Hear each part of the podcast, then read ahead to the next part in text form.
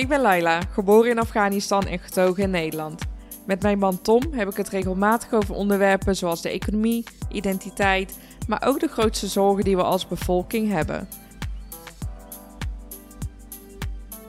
In dit seizoen van 10 afleveringen nodig ik elke week een gastspreker uit en behandelen we een aan Nederland gerelateerd onderwerp.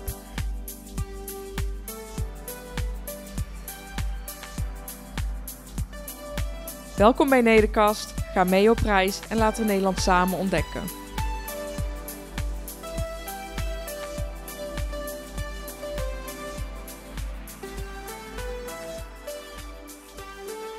Dag luisteraar, bij de alweer de vierde aflevering van de Nedercast. Laila, wat gaan we doen vandaag? We gaan vandaag naar uh, Laurent de Vries in Eindhoven. Uh, en we gaan het hebben over de GGD, oftewel preventieve zorg in Nederland. En is Laurent de Vries werkzaam bij GGD of uh, kan je iets over hem vertellen? Ja, hij is op dit moment bestuursvoorzitter bij het Suma College. Maar hij heeft hiervoor twaalf jaar bij GGD Nederland gewerkt, waarvan zes jaar als algemeen directeur. Dus hij kan ons er wel degelijk iets over vertellen. Waar, en waarom? Waarom ik uh, het over preventieve ja. zorg wil hebben. Nou ja, ik denk dat, het, dat we het over preventieve zorg in Nederland moeten gaan hebben. Of in ieder geval daar even de aandacht op moeten vestigen. Omdat het iets redelijk unieks is wat wij hebben. Um, ik denk niet dat het in alle landen zo goed is geregeld als in Nederland. Ik heb best wel veel gereisd in mijn jongere jaren. Ja. En, en later ook in mijn werkzame leven. Uh, ook naar best wel exotische bestemmingen. Zoals? Ja, ik weet niet, Mexico bijvoorbeeld, of Guatemala, of uh, Ecuador, Ethiopië. Ja. Uh, of India. Eigenlijk in alle landen zie ik wel dat de zorg er niet zo goed bij ligt als uh, hier in Nederland. Volgens mij kost het ons Nederlanders ook heel erg veel. Ja. Um, maar van de andere kant heeft eigenlijk iedereen toegang tot betaalbare zorg. En waaruit uh, merk je dat op als je dat vergelijkt met Nederland? Nou, bijvoorbeeld in Ethiopië vraag ik me sterk af of er überhaupt wel zorg is. Uh, terwijl hier in Nederland kan je gewoon naar de huisarts. Uh, of Voor wat... elk pijntje. Ja, nou ja, eigenlijk wel. Een huisarts zal je niet zo snel doorsturen naar een specialist. Maar als het, als het moet, dan kan je daar gewoon terecht. Ja, en natuurlijk ook, want dat merk, daar krijgen wij nu mee te maken hè, met onze dochter. Dat zij om de zoveel tijd naar het consultatiebureau mag. Ja. En er wordt echt over je schouder meegekeken. En het, de groei van het kindje wordt uh, bijgehouden. En gewicht en noem maar op. En ook uh, trouwens hoe ze zich ontwikkelt. Ja, en uh, natuurlijk vaccinaties tegen de kinderziektes. Oh ja, en vaccinaties met corona. Ja, al, dus met, met ja. acute crisissen.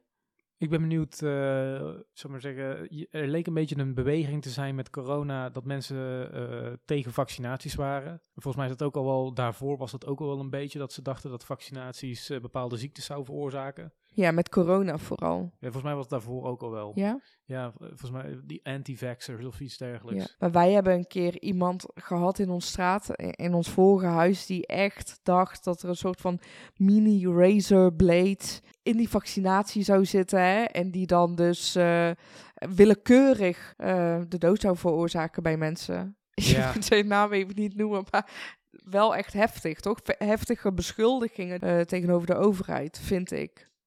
Ja, ja dat, uh, dat is zeker heftig. Waarom denk je dat dat is? Weet je wel, dat, dat mensen zo denken? Tja, dat is een goede vraag.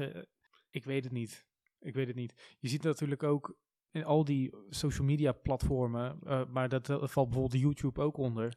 Als jij uh, alleen maar kookfilmpjes kijkt, ja. dan komen er voortaan alleen maar kookfilmpjes naar boven. Ja. Maar als er in jouw feed staat een filmpje over corona, of je ziet dat op Instagram, dat je er dan te lang op blijft zitten of op Facebook ja, of whatever. Dat is het algoritme dat oppakt. Precies, dat, pik, dat pikt het op en dan komt er nog iets over corona, nog iets over corona.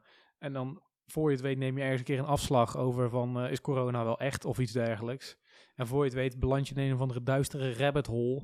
Dus jij denkt echt uh, social media onder andere? Ja, eigenlijk best wel veel. Ja. Ik denk ook omdat corona best wel ineens is gekomen, hè? 2019 was het. Wereldwijd. Het was echt iets waar we de effecten ook onmiddellijk van hebben gemerkt. En ook met het dat iedereen thuis moest zitten. Dus dat er echt maatregelen werden genomen, waardoor vrijheid werd ingeperkt. Ja. Ik denk dat men daar ook wel achterdochtig van werd. Ja, kan goed kloppen. Ik, ik, ik, was er niet blij mee altijd met al de regeltjes, maar... Uh, Had je nooit zoiets van, oh, dit is zodat de overheid meer macht over ons krijgt? Nee, Nee, dat, eh, dat denk ik niet. Wij vinden de Nederlandse overheid lief, hè? Da- dat ook niet per se, maar ik geloof niet dat er een kwaadaardig plan achter schuilt in ieder geval. Nee, GGD Nederland, dat is onderdeel van de gemeentes. Ik kan me voorstellen dat het misschien ook nog eens extra tijd, geld en energie kost om eh, die beweging van mensen eh, te overtuigen dat het allemaal goed is bedoeld. Snap je wat ik Iets bedoel? anders, hoe groot zou die groep zijn? Ik heb echt letterlijk geen Het idee. kan ook zijn dat het een kleine groep is met een heel hard stemgeluid. Maar ik heb het idee dat door corona, dat, dat, dat die groep wel groot was. Ik denk ook dat ze allemaal een beetje in dezelfde hoek zitten. Ik weet niet, boze boeren, antivaxers, eh, corona, eh, mensen die tegen corona maatregelen waren, Ja. anti-establishment, anti-overheid. Ik denk dat het allemaal toch wel een eh, mensen zijn uit een soortgelijke hoek of iets dergelijks. Snap je wat ik bedoel? Pas op je woorden. Eh, ik vond het best politiek correct eerlijk gezegd. Ja. ja, dat weet ik niet. Maar ik heb wel zoiets van misschien dat die mensen nu denken van... Oh, wacht, we zaten ernaast. Ja, weet ik niet. Of ze hebben nu weer een volgend iets gevonden waar ze op springen. Maar ik kan me best voorstellen toen we met dus die ene man uit de straat... twee uur erover in gesprek waren. Op een gegeven moment had hij het er ook over dat ons water vergiftigd is. En noem maar op, hè. Ja, en chemtrails in de lucht en... eh, Maar ik kan me voorstellen als je daar uren en uren naar luistert en daar heel veel mee omgaat, dat je op een gegeven moment daar toch wel iets in gelooft. Want als je heel erg op zoek bent naar of iets zo is, dat er vast altijd wel aanwijzingen zijn wat je theorie bevestigt. Ja, ongetwijfeld. Toch? Ja, als, je, eh, als je gaat zoeken, dan kun je overal verbanden in, in gaan zien. Ja. Nou goed, ik, nou, hier ga ik het dus eh, een beetje met Laurent over hebben. In ieder geval over preventieve zorg. Ik ben heel erg benieuwd. En Laurent heeft trouwens ook een boek geschreven, hè? Oh, is dat zo? Ja. En ik was naar zijn eh, boeklancering geweest. Oh ja, klopt. Dat was, eh, wanneer was dat? Twee maanden geleden Ja, een tijdje geleden. Dat was in 2022 trouwens. Maar goed, eh, zijn boek heet Mijn baas draagt ook een onderbroek. En Nou, het gaat... Hoop het wel voor zijn baas. en zijn boek eh, gaat over menselijke waarden, een ander perspectief en nou ja, eigenlijk een kijk op de wereld. Oké, Heel interessant. absoluut. Ja, ik spreek je graag als je terugkomt. Helemaal goed. Laurent, kan je mij eens vertellen wat de GGD's in Nederland doen? Nou, ik ben in ieder geval eh, blij dat we samen dit gesprek eh, hebben. Ehm, maar de GGD. ja. Ehm, De GGD staat voor Gemeentelijke Gezondheidsdienst. Wordt ook betaald door eh, de gemeente. En hun belangrijkste taak is preventie. Ja. Ervoor zorgen dat mensen niet ziek worden. Bijvoorbeeld een prik halen. Hè, dat voorkomt dat je eh, ziek eh, Ja. wordt. Dat is maar één onderdeel. Maar ook voorlichting geven over gezond, eh, gezonde voeding, gezonde leefstijl, meer eh, eh, bewegen. Nou, dat is ook allemaal GGD. De jeugdgezondheidszorg, de consultatiebureaus, waar ook Rijksvaccinatieprogramma, maar ook voorlichting wordt gegeven. Maar ook rond de gevolgen van milieu, medische milieukunde heet dat, gevaarlijke stoffen. Nou, hoe kan je dat eh, verminderen? Het voorkomen dat mensen ziek eh, worden, dat is de belangrijkste taak van de GGD. En hoe doen ze dat dan? Tijdig signaleren? Door ook onderzoek eh, te doen. Ja. Epidemiologie heet dat met een moeilijk eh, eh, woord.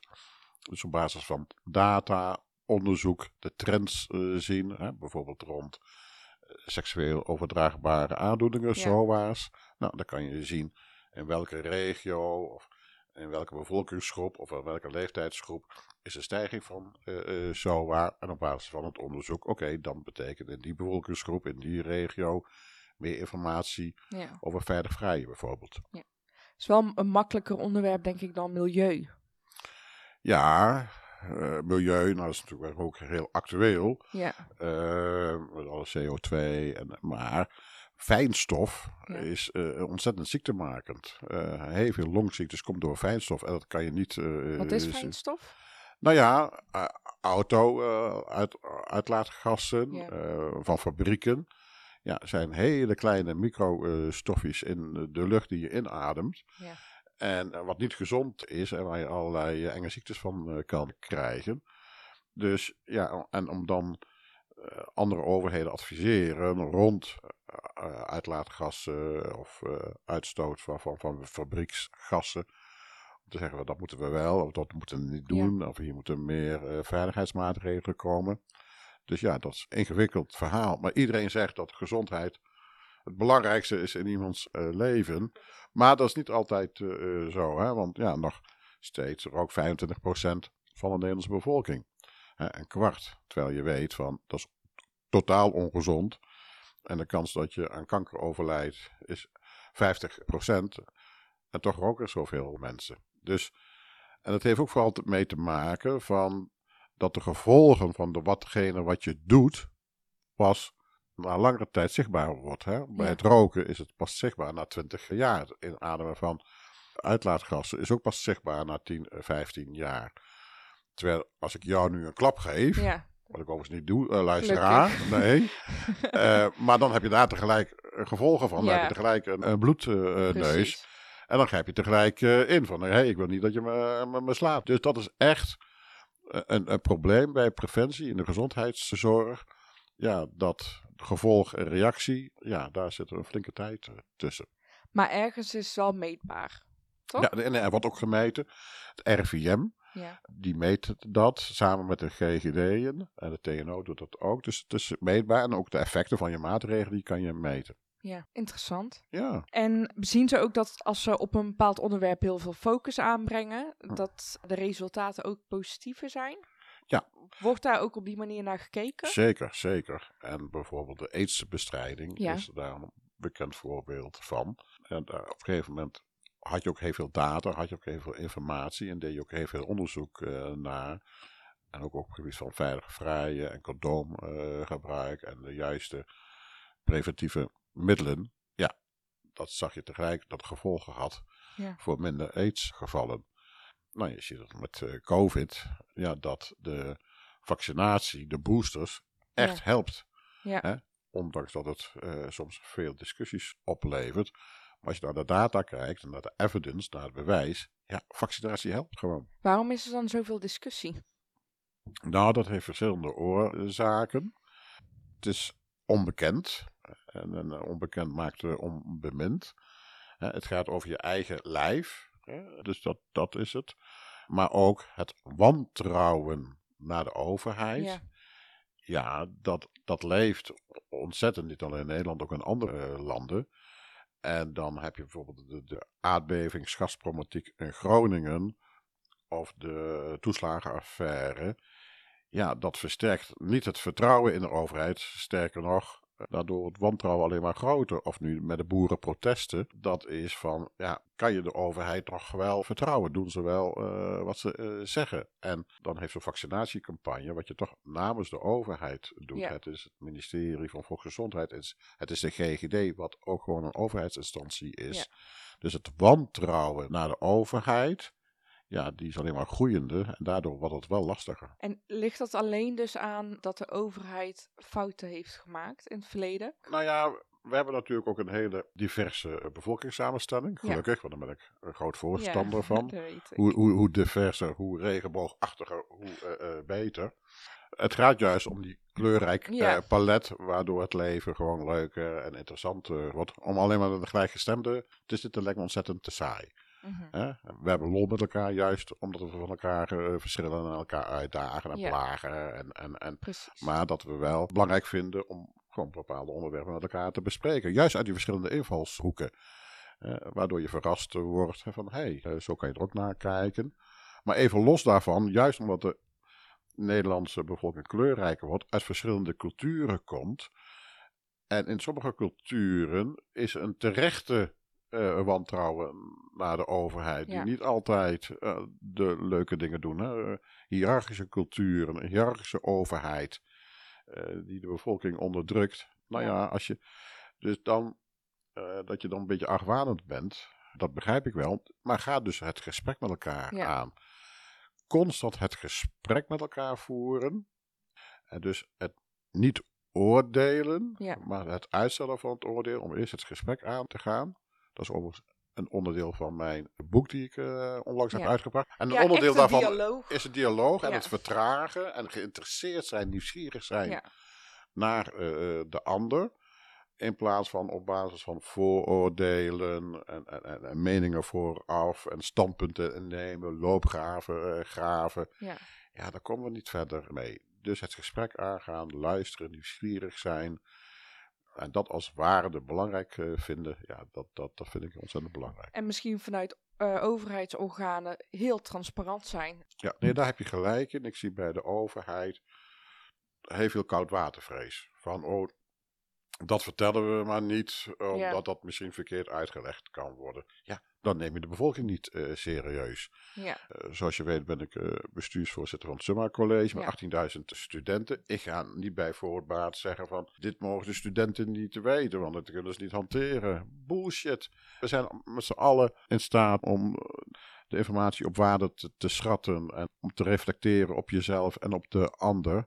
Dus ik ben voor grote mate van transparantie, openheid en daar op basis daarvan het gesprek aan te gaan. Ik heb niets eh, te Verbergen. Maar als je dat niet zou doen, op het moment dat je informatie achterhoudt en bij voorbaat al beslist dat de ander niet kan relativeren of die informatie niet goed kan plaatsen, dan plaats jij jezelf dus al Hoger hoger dan de andere. Ja. Hiërarchischer inderdaad. Ja.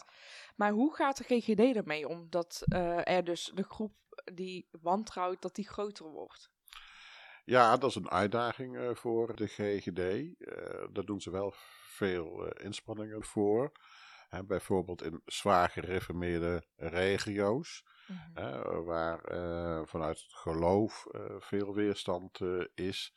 Nou ja, daar zie ik echt dat de GGD in gesprek gaat, ook op basis van respect. Hè? Niet Mhm. veroordelen, hè, maar op basis van, van, van de verbinding. Hè, van oké, waar zit dan jouw angst? En je ziet steeds meer van, van dat je met elkaar in dialoog een stap verder eh, komt.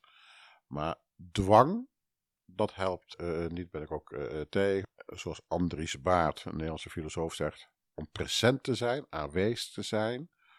Om echt geïnteresseerd te zijn in die ander. En vanuit die gezamenlijkheid kijken: wat is dan de next step? En ik denk dat niet alleen een oplossing is voor de GGD, maar überhaupt Ja. voor heel veel vraagstukken.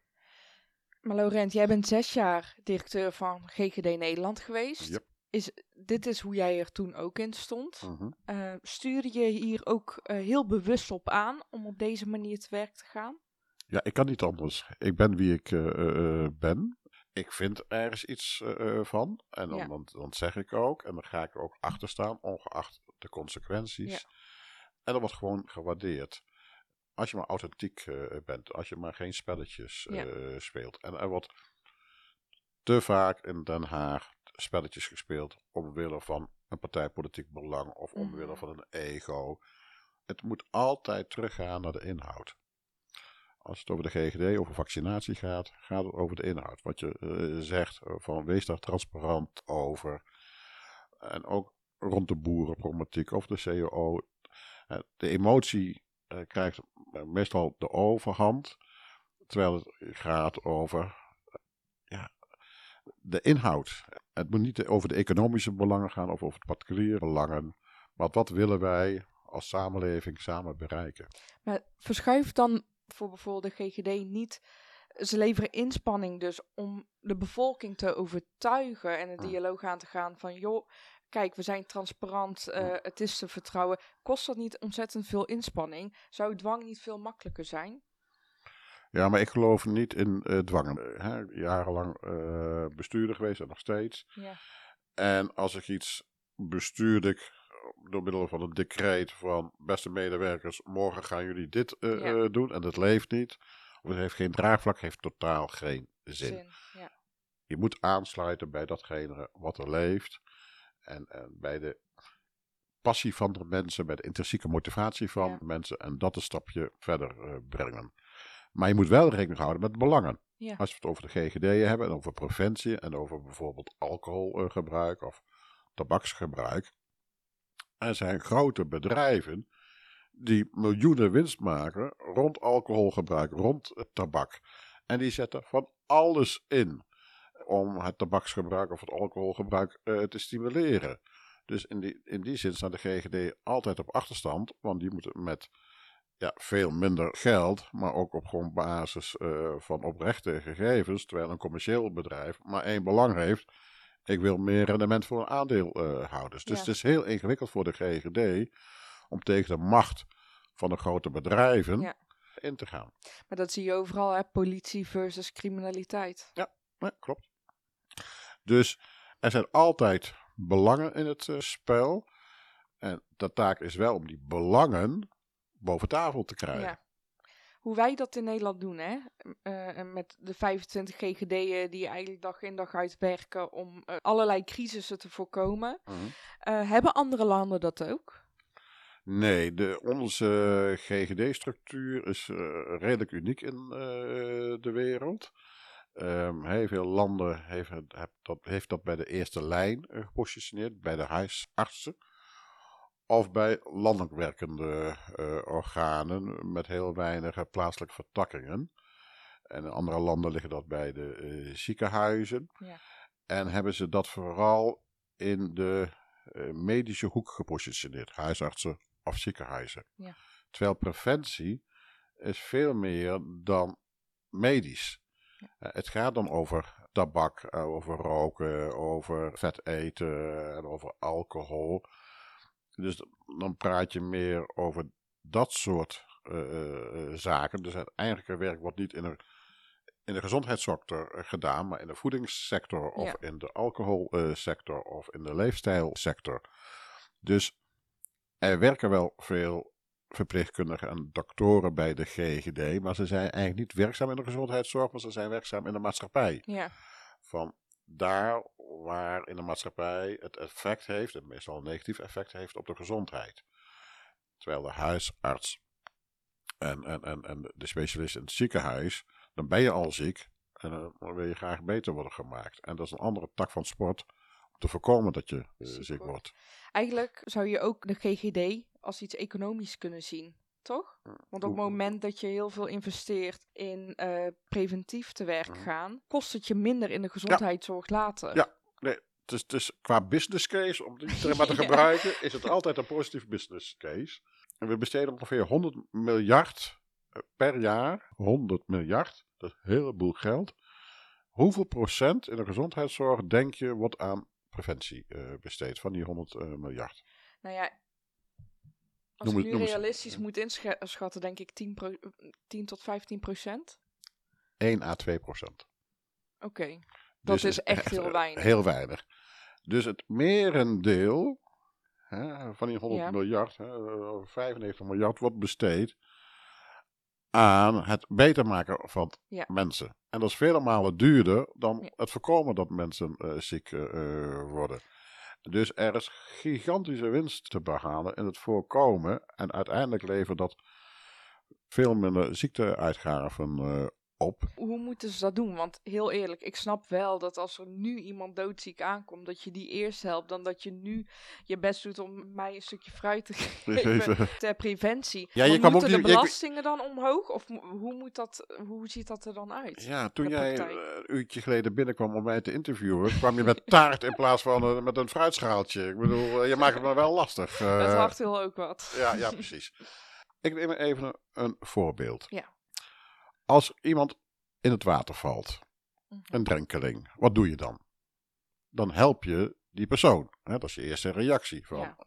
hè, dan spring je ook in het water en haal je die drenkeling. Eh, maar er valt weer iemand in het water. Ja. En er valt weer iemand in het water. En steeds haal je die drenkeling uit het water. Terwijl als je naar boven kijkt, en dan zie je een brug waar die leuning kapot van is. Ja. Dus eigenlijk wat er moet gebeuren, is dat je die ene drenkeling laat verzuipen, Ja. dood laat gaan. ja, En in die tijd ga je die leuning maken, precies. zodat er geen meer drenkelingen komt. Hè? Want dat is de structurele oplossing, die leuning maken. Want dan heb je geen drenkelingen meer. Oké, maar stel dat die drenkelingen, hè, dat dat een rij is van je familieleden. Ja. Wanneer besluit je van, oké, nou dan laat ik deze maar gaan en dan ga ik de leuning maken. Het, het lijkt me ook heel lastig, hè? Ja. Want zou je dan niet heel makkelijk de belasting omhoog kunnen gooien? Nee, kijk, de, de, de, de, de, zorg wordt onbetaalbaar. We krijgen de echte vergrijzing krijgen we nog. Hè, over tien jaar We krijgen een verdubbeling eh, van het aantal uh, tachtigers. En we weten dat de meeste kosten van de gezondheidszorg wordt in de laatste twee jaar van je leven uh, gemaakt. We worden met z'n allen ouder en langer ouder. Dus een verdubbeling van de zorgkosten. Dus Ja. nu is het 100 miljard. Hè, over 10 jaar is het 200 miljard. Dat. En dat betekent hè, dat een kwart van je inkomen ja. gaat naar de zorg. eh, Linea terug. recta. Linea recta. En dan kan je dus geen andere dingen mee doen. We hebben hier echt een groot probleem. Maar ja, het, het is echt struisvolle, struisvolle politiek. Avant la lettre. Het, het komt echt op ons af. Het is geen rocket science. Het is gewoon demografie. Er zijn te weinig kindjes gemaakt en geboren. En de hele oude generatie, eh, door de babyboom eh, in de jaren 50, 60. Ja, Mhm. die komen nou in een leeftijd eh, dat ze 80 eh, eh, worden. Het is gewoon demografie. En, eh, en we hebben daar gewoon te weinig over. Ik ben blij eh, dat we in deze podcast erover hebben. Want je moet nu maatregelen nemen. Hè? En hè, je moet het dak repareren als de zon schijnt. Niet als Ja. het regent. Want Nee. dan ben je te laat. En we weten dat het over tien jaar ontzettend gaat regenen. Dus laten we het nu daarover eh, hebben. En betekent dat we inderdaad meer aandacht voor de preventie moeten eh, hebben. Dat we een discussie moeten voeren over hoe willen we oud worden. Wat vinden we eh, belangrijk. Ja, en kunnen we inderdaad alle drenkelingen helpen? Niet. Nee. Laten we daar eerlijk over zijn. Dat betekent dat we meer die leuning moeten gaan maken. Maar in de praktijk, hè, hoe lossen we dit dan? Wat is volgens jou de oplossing? Want moeten er meer migranten komen? Hè? Jongere mensen? Hoe gaan we dit doen? Nou, je ziet nu in alle sectoren arbeidstekorten. Of het dan de Nederlandse spoorwegen eh, is, of in het onderwijs, hè, waar ik nu eh, werk, of in de zorg, of in de bouw, of Ja. in de techniek, of bij de winkels. Overal tekorten. En dat wordt alleen nog maar erger. Hè? Uiteindelijk tot 2040 eh, een kwart binnen beroepsbevolking. We moeten een aantal eh, dingen doen. Mensen die nu aan de kant staan, echt actief begeleiden naar werk. En we hebben echt anderhalf miljoen mensen in Nederland die willen werken, kunnen werken, niet eh, werken. Dus daar is nog heel veel winst eh, eh, te behalen. Want waarom zitten die aan de kant? Nou, omdat het niet vanzelf gaat. Omdat ze extra ondersteuning nodig hebben. Omdat er een vlekje ergens eh, zit, letterlijk of figuurlijk. En omdat de kinderopvang in eh, Nederland niet goed is geregeld. Omdat ook het parttime eh, werk het grootste Ja. in Europa en Nederland is. Dus daar is nog veel aan te doen. Maar dan zal dat niet voldoende zijn. Hè, willen we de zorg draaiende te houden, dan zullen we met arbeidsmigranten te maken krijgen. En laten we daar open en eerlijk over zijn. En laten we dan hebben over de kaders en over de regels en de randvoorwaarden van de arbeidsmigranten. En dat we ze nou niet wegstoppen in, in onbewoonbare woningen en, en slechte voorzieningen. Eh, Ze komen hier om Nederland draaiende te houden. Laten we daar beleid op eh, eh, maken. En er voorkomen dat we segregatie krijgen. Ja. En, en dat, daar maak ik het meeste zorgen over. Over segregatie. Dat we bevolkingsgroepen hebben die geen contact meer met elkaar hebben. In hun eigen bubbels leven. En dat het niet iets gezamenlijks is. En, en, en, en dan krijg je ook weer die wantrouwen naar de overheid eh, Ja. eh, toe. Eh, mensen die geen vertrouwen meer hebben, die niet meer worden gezien wie ze zijn. Je ziet die segregatie overal in Europa. In Amerika is dat natuurlijk al decennia eh, zo. Dat is echt ook een gevaar voor de democratie. Wat doen ze in Den Haag? Weet jij het? Met- oh. Ik bedoel, wat doen ze in Den Haag met het hele vergrijzingprobleem? Denk je dat Eh. daar genoeg focus op is? Eh, nee, de, de- Den Haag is bij voorkeur eh, de waan van de dag. Hè? Ik bedoel, er wordt gescoord op de vierkante millimeter op basis van de actualiteit. Ja. Nee, wat ik mis, daar bedoel je op dat je echt een goed maatschappelijk debat ook in de Ja, Kamer houdt Absoluut. over de echte eh, vraagstuk. En dat is de demografie, dat is die vergrijzing. Hè? En, en dat in Nederland regio's zijn ja, waar zo'n vergrijzing is en een leegloop, dat de scholen niet meer in stand kan worden gehouden, dat winkels niet meer in de dorpen open kan blijven. Dat gaat ten koste van de leefbaarheid en er wel zijn. En de burger die heeft gewoon genoeg van, van dat gekissenbis en, en, en, en de vliegen van elkaar afvangen. Die willen ook structurele oplossingen ja. voor de komende jaren. Maar het is denk ik zo makkelijk nog, nog niet. Want uh, inderdaad, mensen binnenhalen om Nederland uh, sterk te houden. Dat mhm. weet je al, hoe, wat gebeurt er dan met milieu? Is mhm. er genoeg aandacht, inderdaad, wat je zegt voor die mensen? Het een leidt ook tot het ander. Mm Maar we moeten gewoon zorgen dat de problemen die uit oplossingen ontstaan, dat die mhm. kleiner zijn dan de initiële problemen. Ja, mooi gezegd, uh, Laila. en, en Kijk, de democratie uh, en, en, hoe we het in Nederland hebben uh, geregeld, dat is een hoog goed. Maar op het moment dat je die verantwoordelijkheid draagt, als minister of als Kamerlid of als wethouder of welke politieke functie, ja, dan komt ook wel verantwoordelijkheid bij. En dit, die mis ik soms. En moet je je eigen ego overstijgen, je eigen partijpolitieke belang. En dan is het publieke belang in de toekomst. Ja niet in het hier en nu, maar in de toekomst. En je neemt besluiten in de toekomst. En ja, dan zie je dat het daar uh, mis in gaat. Want ja, je wilt toch een goed blaadje komen in het hier en het nu. Maar de echte bestuurders, hè, de mensen waar wij respect voor hebben, uiteindelijk zijn toch de mensen die het verhaal vertellen, die authentiek uh, is en die over de lange lijn uh, gaat. Waar je vertrouwen in hebt van ja, het klopt. En dat betekent dat je nu misschien maatregelen moet treffen die minder populair zijn. Waarom ga je de politiek niet in? Nou, ik ben een periode wethouder geweest in de gemeente uh, Renkum, maar dat is al in de vorige eeuw. 96, 98, 99. Ik vond dat een hele leuke functie. Ook een mooie functie waar je heel veel kan bereiken en heel, heel praktisch bezig kan uh, zijn. Maar ja, die omgeving, mm ja, die partijpolitieke omgeving, dat is niet mijn omgeving. Ik, wil, ik heb eigenlijk nog een laatste vraag. Mhm. Nederland, dat is getoetst, hè? we zijn een van de gelukkigste bevolkingen op aarde. Uh ik, daar is gewoon een relatie tussen gezondheid en gelukkig zijn. Mhm. Als de algemene gezondheid bedreigd wordt, wordt ons geluk dan ook bedreigd? Mhm. Nou, wij zitten hier nu een gesprek te voeren op mijn kamer hier in Eindhoven. En als je even achterom kijkt, zie je onze strategieaffiche uh, en aan de rechterkant zie je geluk staan. En hè, wat gaat over stemming en tevredenheid. en dat is een onderdeel van, van de, de strategie van Summa uh, College, dat we streven naar studentengeluk en medewerkersgeluk. en we weten uit onderzoek, uiteindelijk is zingeving ja. de belangrijkste kenmerk van geluk. Dat je zin geeft aan het leven. Dat je een reden hebt om s'morgens op te staan. En we weten dat dat meestal te maken heeft met de relatie met de ander.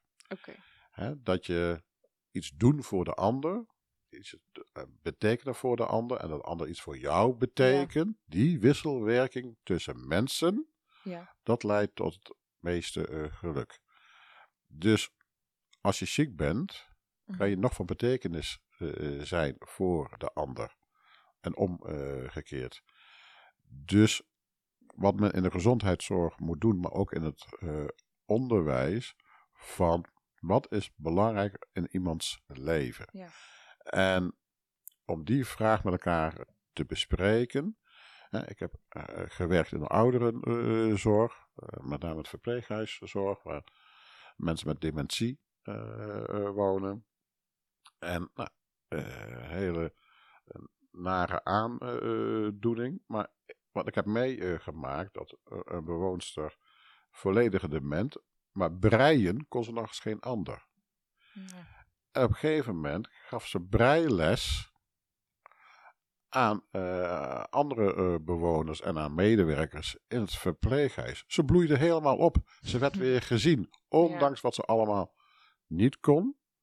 En en dat vind ik belangrijk in de zorg, maar ook in het onderwijs, richt je op wat mensen kunnen, waar ze goed in zijn, Ja. waar ze een talent, hun passie bij eh, hebben.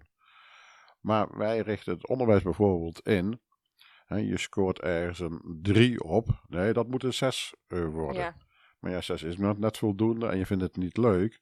Nee, je scoort ergens een 7 op, maak dat een 9, want dat vind je leuk en Ja. daar word je toch beter van. Dus richt je meer op de passie en talenten.